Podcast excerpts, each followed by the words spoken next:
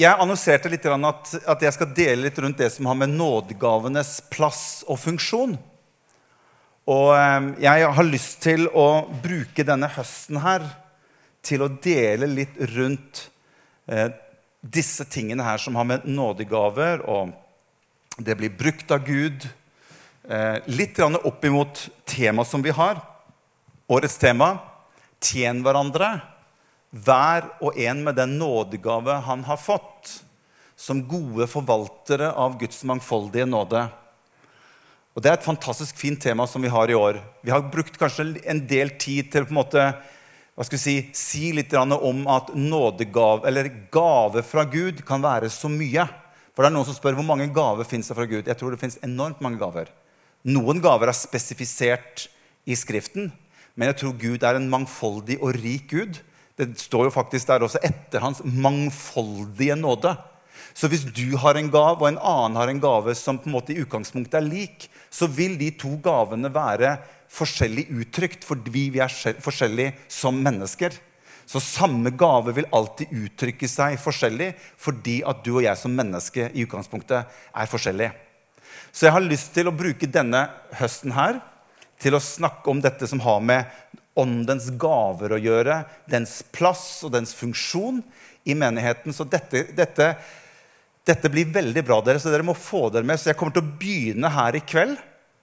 Så vi har bedt om å, å, å ta det opp.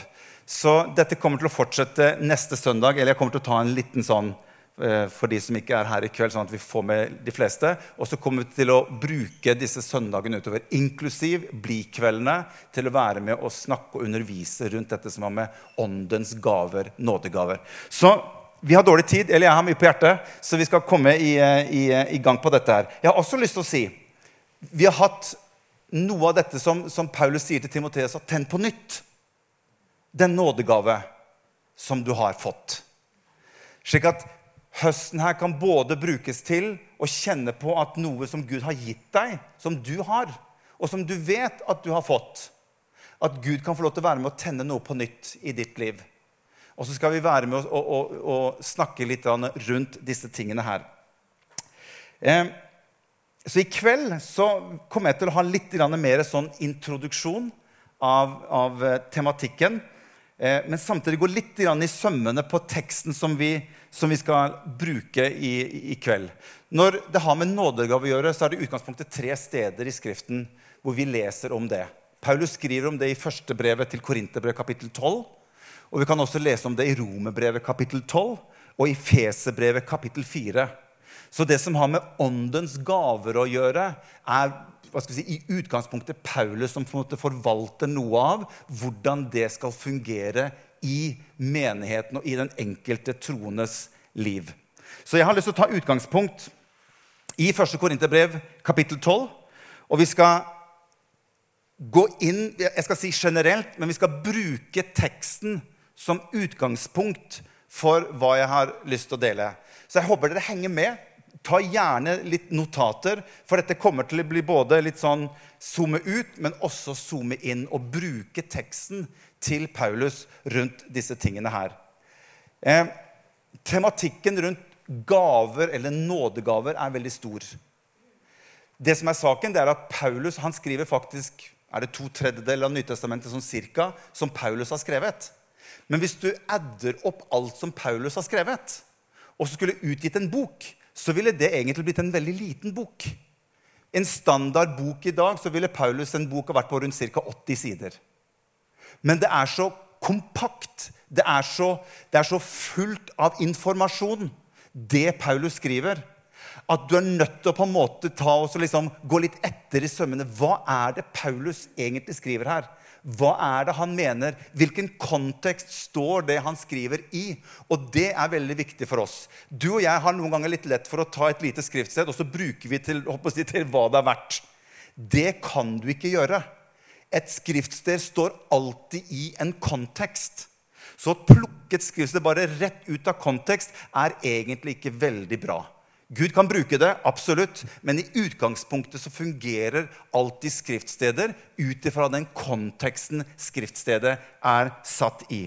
Så vi skal ta utgangspunkt i det som Paulus skriver her. Skal vi bare lese det første verset, og så skal vi dele opp dette verset litt. Han skriver her Når det gjelder åndens gaver, søsken, vil jeg at dere skal ha kunnskap om dem. Paulus han skriver først, han begynner med, så sier han 'når det gjelder'. Og enhver teologstudent som får sånne ord foran seg i Skriften, vet at når dette dukker opp, så vil en student ha lært at nå er Paulus inne på et nytt tema. Dette er fordi at Paulus gir et gjensvar på et brev som har blitt sendt han. Han har vært i Korint og grunnfestet og etablert menigheten i Korint. Han har vært der i 18 måneder, reist derfra igjen. Og noen kommer til han, og noen skriver et brev til Paulus. Og dette første brevet som han sender tilbake, er på mange måter et gjensvar på de spørsmål som har blitt sendt til Paulus og spurt Paulus hva mener du, eller hva tenker du om? For du kan lese, videre, du kan lese tidligere i 1. Korinterbrev, kapittel 7 bl.a. Da, da skriver Paulus dette at når det gjelder det dere skrev om Så Paulus han stykker opp brevet sitt ved å referere til ting som er sendt han i brevsform, som folk lurer på. Når det er snakk om de unge jomfruene, blant annet, skriver han, eller når det er snakk om Jesu gjenkomst, da bytter Paulus tematikk i det som han allerede skriver, selv om det er i ett og samme brev. Så her kommer vi til kapittel 12 i Paulus sitt brev til Korinterbrevet. Og da begynner Paulus med, så sier han, når det gjelder og det her, når det gjelder, varer i tre kapitler. Det er kapittel 12, det er kapittel 13 og det er kapittel 14. De tre kapitlene er det som omhandler gavenes bruk i menigheten og i den troendes liv. Derfor er det viktig for oss å se de tre kapitlene i sammenheng. Og det er litt, det er litt hva skal vi si, Paulus han gjør dette på en finurlig måte, fordi han legger ut alle gavene som han refererer til her i kapittel 12. Og så kommer han til kapittel 13. Han er fortsatt i det når det gjelder. Og hva er kapittel 13 i første Korinterbrev for noe? Det er kjærlighetens eller kapittel. Og så fortsetter han i kapittel 14 og fortsetter å snakke om dette med gavenes bruk i menigheten. Så jeg skal komme tilbake til litt av det, men det er helt bevisst hvordan Paulus gjør dette, her, og hvorfor han gjør dette. Og det er viktig for deg og meg å ha med oss inn når vi skal, når vi skal snakke og diskutere rundt det som har med åndens gaver å gjøre. Kapittel 13 ligger liksom imellom. Det er kjærlighetens kapittel. Og det er, noen, det er litt sånn Paulus han, han ønsker på en måte å balansere dette opp litt med kapittel 12, som tar helt av. Og så må vi balansere det. Og så kommer liksom kapittel, 13, nei, kapittel 14 etterpå. Så har på en måte Paulus lagt en fin balanse. Og jeg tenker at ordet balanse er en viktig nøkkelord i det vi skal snakke om. Kjærlighet og balanse. Og det er noe av dette som jeg ønsker å legge også som en, et utgangspunkt og en grunnvoll for det vi skal snakke om i, i, i høst. For det er veldig mye Hør hva jeg sier. Det er veldig mye rart i dette markedet som har med åndelighet eller spiritualitet eller åndens gaver osv. som jeg har lyst til å si litt om. For hvis ikke du og jeg har balanse og grunnfestelse i Skriften på disse tingene her, så kan disse tingene her ha en tendens til at de tar litt av. Og det blir usunn karismatikk. Og jeg ønsker ikke, og Vi ønsker ikke at Pinsekirken skal forvalte usunn karismatikk. Vi ønsker at Pinsekirken skal forvalte en god og sunn karismatikk. Og jeg tror det er mulig å forvalte en sunn karismatikk i den tiden vi lever i. Og det er noe av dette som er Paulus sin utfordring nettopp i menigheten i Korint. For her begynner ting å bli usunt. Og derfor så, så bruker faktisk Paulus tre kapitler for å prøve å, å på en måte nyansere og sende tilbake hvordan han ser på hvordan dette skal forvaltes i Guds rike. Balanse er viktig i mange ting. Det er noen som tenker at balanse i dette med åndelig nei, det kan vi ikke ha, for det, sånn, det blir jo litt kjedelig. Men vi trenger balanse i livene våre. Vi trenger balanse i alt vi holder på med. I idretten, ikke minst. Hva, altså, idrett uten balanse Du kommer ikke langt med golfslaget ditt hvis ikke du har lært deg hvordan du skal holde, en, holde god balanse. Det er bare sjakk. Kanskje, ja, Du trenger kanskje litt balanse i sjakk også, men det er ikke så mye. Levi Petrus, som startet den svenske pinsevekkelsen, han sa det at vekkelse vil alltid måtte foregå imellom, på knivseggen av det som er konservativt, og det som er ekstremt. Et eller annet sted i midten der sånn, Hvis du greier å forholde deg der, så kan Guds rike vokse sunt og godt. Henger det med fortsatt? Så skriver Paulus videre. Han sa først når det gjelder Og så sier han åndelige gaver. Jeg skal, skal, skal forte meg litt. Nå skal jeg sette på klokka. Jeg lovte at jeg skulle sette på nedtelling. Skal vi se, En og en halv time. Da snakker vi start der. Sånn. Så sier han åndelige gaver. Det greske ordet som Paulus bruker her, det er naumatikon. Naumatikon er egentlig et flertallsord. Ordet gaver står ikke på grunnteksten her. Jeg vil at det, her må dere få med dere. Vi skal, vi skal, gå litt inn i teksten her, sånn at dere får med dere ja, skal, vi ikke, skal, vi ikke, bare be for folk? Jo, vi skal be for folk òg. Men vi må vite litt hva det er vi holder på med. Vi må vite litt hva Skriften sier rundt disse tingene. Er dere med på det? Det her er viktig. Ordet gaver er noe som oversettere har lagt inn i etterkant for å beskrive hva det er Paulus snakker om. Men naumatikon betyr egentlig gaver. Naumatikon har noe Nei, åndelig, mener jeg. Unnskyld. Naumatikon betyr egentlig åndelig, som kommer ut ifra det ordet nauma, som betyr ånd eller vind eller pust.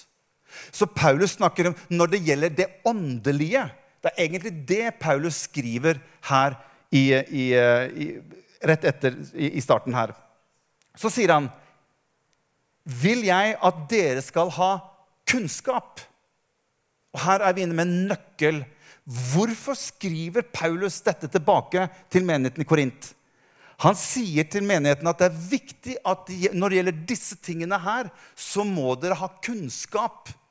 Det, det, greske ordet som Paulus bruker her, egentlig, betyr egentlig likegyldig eller uvitenhet. Så han sier egentlig at når det gjelder det som har med de åndelige gaver, vil jeg ikke at dere skal være uvitende eller likegyldig. For dette, liksom sier han, dette er viktig. Og det er noe av dette som jeg tror jeg merker Paulus når han skriver dette til Korint. Så er Korint i en tilstand av kaos. Husk at de som blir frelst på denne tiden, når Paulus kommer til Korint Mange av de som blir frelst i Korint, var hedninger. Byen Korint det var en by med massevis av templer eh, ofringer i templene, massevis av avguder. Og dette var en del av selve kulturen til folket. Det er ikke sånn som du og jeg i dag, som lever i et vestlig samfunn si, i beste vestkant Oslo. Og, og, ordet Gud eller det som har med Gud å gjøre, eksisterer nesten ikke. På denne tiden var det en så stor og sterk del av alt som hadde med folk å gjøre. Fra A til Å. Og tempeltjenesten som ble gjort på denne tiden i Korint, det var makabert. Man drakk blod, man ofret til gudene, og det var mye av det seksuelle og massevis av alkohol som var en del av seremoniene som foregikk i templene på denne tiden her. Og hør, det er det disse blir frelst ut ifra. Inn i kirken. Og så skal de begynne å forvalte noe av dette som har med det åndelige å gjøre. Ikke lenger i templene. Hør, Ofte i de templene som var på denne tiden, her, så var det veldig mye av demonisk aktivitet. Jeg kommer til å komme tilbake til litt av dette senere. Men dette er viktig for Paulus. For det jeg merker at Paulus ser, det er at man begynner å dra med seg noe av tendensene som var i tempelet, inn i gudstjenestene. Og dette begynner å bli en del av gudstjenestene. Og så begynner Paul å si det er viktig at dere er, har kunnskap om hva som er det som er av verden, det som er demonisk, og det som er virkelighet, som har med Guds rike å gjøre. Derfor sier han, 'Jeg vil at dere skal ha kunnskap om dette'. Og du skjønner det, Dette her er et spenningsfelt som vi i det kristne landskapet beveger oss i. Jeg har satt opp ja, jeg, eh, det, var en, det, var egentlig det som jeg sa til dere. Jeg har satt opp, har satt opp to ting. På den ene, tiden, på ene siden så har vi noe som heter sesasjonisme. Det er på den helt, helt ene siden. Ordet sesasjonisme er kanskje ikke et veldig godt norsk ord.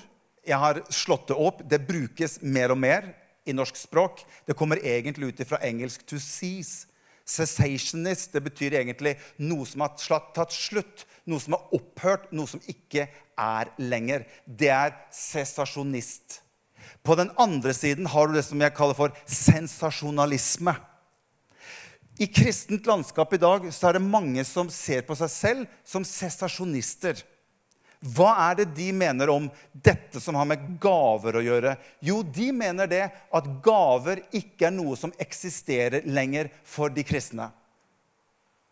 Dette har sluttet å virke. Og da blir jeg litt nysgjerrig. Hva er det som gjør at noen mener at det som har med åndens gaver og det overnaturlige gjennom den troendes liv, ikke er lenger for vår tid? Jo, slå opp sammen med meg i, i hva Paulus sier i, litt lenger ut i kapittel 13 og vers 8. Jeg sa at dette her kommer til å bli grundig. Det må bare bli sittende. Der skriver Paulus noe.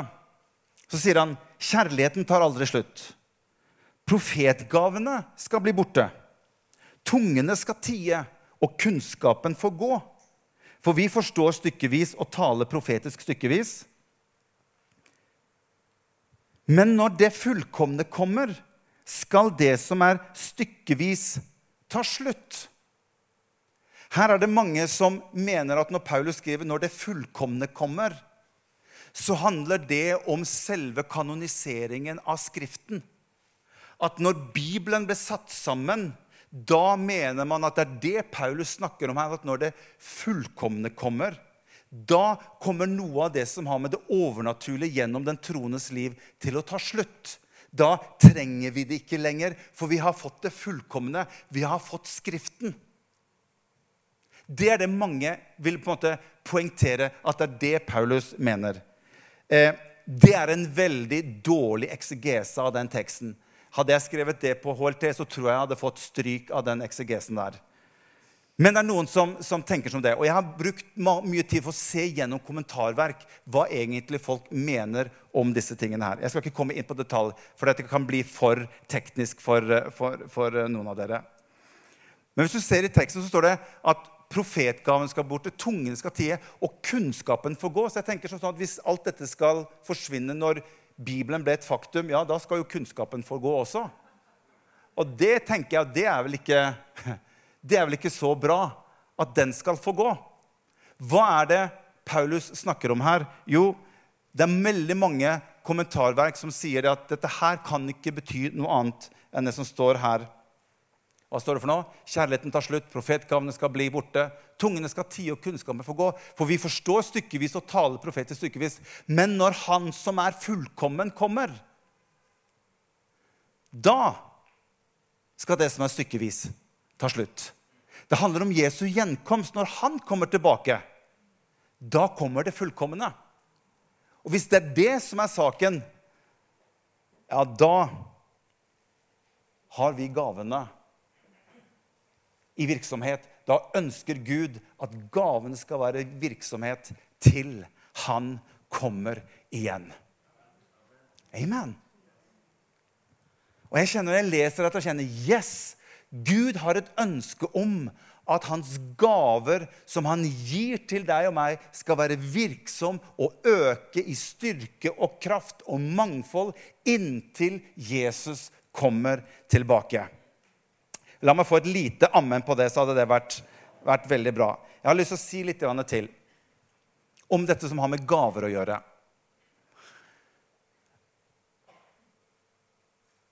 Jeg har tre ting her. Gaver er forskjellige, og de er ikke monotone. Gavene er gitt. Gave er ikke noe du og jeg fortjener. Men når Gud gir deg og meg en gave, så er det Han som gir deg og meg en gave. Det er ikke sånn at jeg gjør meg fortjent til å få en gave. Det er ikke sånn at hvis du, hvis du på en måte tenker at nå har jeg fastet og bedt i et halvt år, nå fortjener jeg å få en gave. Alt er av nåde. Det er Gud som gir deg og meg en gave. Og så er det én ting til som er viktig. Det er at gavene er i seg selv, ikke målet. Noen ganger så har jeg en liten følelse av, og kanskje litt oss pinsevenner, at vi tenker at 'Å, jeg må få tak på gavene'. Jeg må få tak på disse gavene. Og veldig ofte, hvis du drar det mot det sensasjonelle, så er det veldig ofte noen få gaver som går igjen. Og jeg vil ha den helbredelsesgaven. Den vil jeg veldig gjerne ha. Og, og, kraftgaven, tegn og under og mirakler. Det som på en måte blir noe av det sensasjonelle. Det virker veldig ålreit å få tak på de. Å, Gud, du må bare bruke meg altså, til helbredelsens gave. Og, og, og det, jeg er veldig åpen. Så blir gavene et mål i seg selv. Men hør, gaver har aldri vært et mål i seg selv. Men gaver har vært en gave fra Guds side for å være et middel for at mennesker skal bli berørt gjennom din og min gave. Og dette er så viktig. Og når jeg satt med dette, så opplevde jeg at det som Herren ga meg for i kveld, det er egentlig Jeg opplever hvordan Gud talte litt i mitt hjerte. Og det er litt ut ifra som jeg satt og leste i Matteus kapittel 9 og vers 36 så skal vi gå til avslutning. Jeg har skrevet her motiv kan ødelegge åndens virke i og gjennom våre liv. Vi har for mye av oss selv i livene våre. Jeg har tenkt mange ganger Gud, hvorfor skjer det ikke mer? Gud, hvorfor bruker du oss ikke mer? Gud, hvorfor? Og jeg, jeg jeg får en liksom følelse av hvor Herre noen ganger hvisker i mitt hjerte Morten, dere har, og du inklusiv sånn, du inklusiv sånn, dere har for mye av dere selv i livene deres. Jeg tror noen ganger at motivene våre bak noen ganger kan være med å sette en liten stopper for hva Gud kan gjøre i og gjennom våre liv. Se hva som står om Jesus. Da han så folkemengdene så fikk han inderlig medfølelse med dem. For de var forkomne og hjelpeløse som sauer uten gjeter. Og vet du hva det står i konteksten med det? står det, Og Jesus helbredet dem alle. Det var noe i hjertet til Jesus. Det var et motiv som drev han. Det var ikke at om bare jeg kunne få tak i en sånn flott fin gave. Så skulle jeg vært fornøyd. Jeg tror det er derfor Paulus legger inn dette kapitlet som vi skal komme tilbake til, midt imellom her. For han snakker nå at hvis ikke det er kjærligheten som driver deg og meg i livene våre, så kan dette ende helt galt ut. Men når kjærligheten fra Jesus får lov til å fylle livene våre, Vet du hva du og jeg trenger mer av? Vi trenger mer av hans kjærlighet i våre liv. Og la den få lov til å skape noe i oss som gjør at motivet og målet for meg er ikke bare å få tak i en gave. Men motivet for meg er at jeg kjenner noe på innsiden, at Gud har lagt i mitt hjerte at jeg skal få lov til å være til en velsignelse og være til hjelp for mennesker. Da vil Gud virke. Og jeg kjente at jeg må ta tak i motivene mine. Jeg må ta tak i mine motiver. For vi kan misbruke noe av dette til de grader. Jeg satt og snakket med en medstudent fra Afrika denne uken her på, på, på HLT. Og han fortalte dere kan lese om det selv, han fortalte at i 2018 så gikk presidenten i Rwanda ut og stengte ned 6000 kirker over hele Rwanda. Vet ikke om dere har fått det med dere i, i nyhetene. Den største årsaken til at de gikk inn og stengte dette, det var misbruk av åndelige gaver mot mennesker som ikke visste i det hele tatt hva dette var snakk om. Og veldig mye av det profetiske var inne i bildet. Det loppet mennesker for penger, for disse profeterte jo og ga jo budskap om at du skal gi så og så mye. Og sånn og sånn Og sånn. Og det blei så usunt og det ble så galt at presidenten måtte gå inn og stenge alt sammen ned. Og han fortalte meg at hvis du henviste som pastor der til Skriften, så var du liksom ikke skikkelig. Men hvis du kunne stelle deg fram og lage noe spektakulært og, og ha litt voldsomt mye med, med livvakter med deg og stå og profetere, så syntes folk det var bra. Og dette blir et problem hvis ikke ting er grunnlagt og har sitt utgangspunkt i Skriften. Derfor sier egentlig Paulus når han kommer til kapittel 13.: Men jeg skal vise dere en bedre vei, sier han. Ikke for at gavene er borte. Nei, men gavene må fundamenteres ut ifra at kjærligheten til Han er utøst i våre hjerter. Og det er den kjærligheten som må forsterkes, slik at noe skapes i mitt indre som gjør at når jeg kommer opp i noen situasjoner, så merker jeg en kjærlighet fra Han innen en situasjon. Da vil En hellig ånd være der. Da vil Ånden virke gjennom ditt og mitt liv. Da kan Gud gjøre det umulige rett foran våre øyne. For da er det ikke gaven til meg som er motivet, men om jeg kan få lov til å være til hjelp. Derfor så var Paulus så radikal på dette. Derfor, derfor sier Paulus jeg lever ikke lenger selv, sier han. Men Kristus lever i meg. Han skal vokse, jeg skal avta. Han er den som må tilta i mitt liv. Jeg er korsfestet med Kristus. Hvorfor var Paulus så radikal på dette? Jo, det slår seg ut i hva han skriver tilbake til menigheten i Korint. At dette må settes litt i system. Halleluja. Amen. Dette var litt sånn start, ikke for å legge noe demper, men for å bare løfte fram at la kjærligheten til Jesus ved Den hellige ånd i ditt og mitt hjerte være det som er utgangspunktet for at han kan bruke deg og meg i livene våre.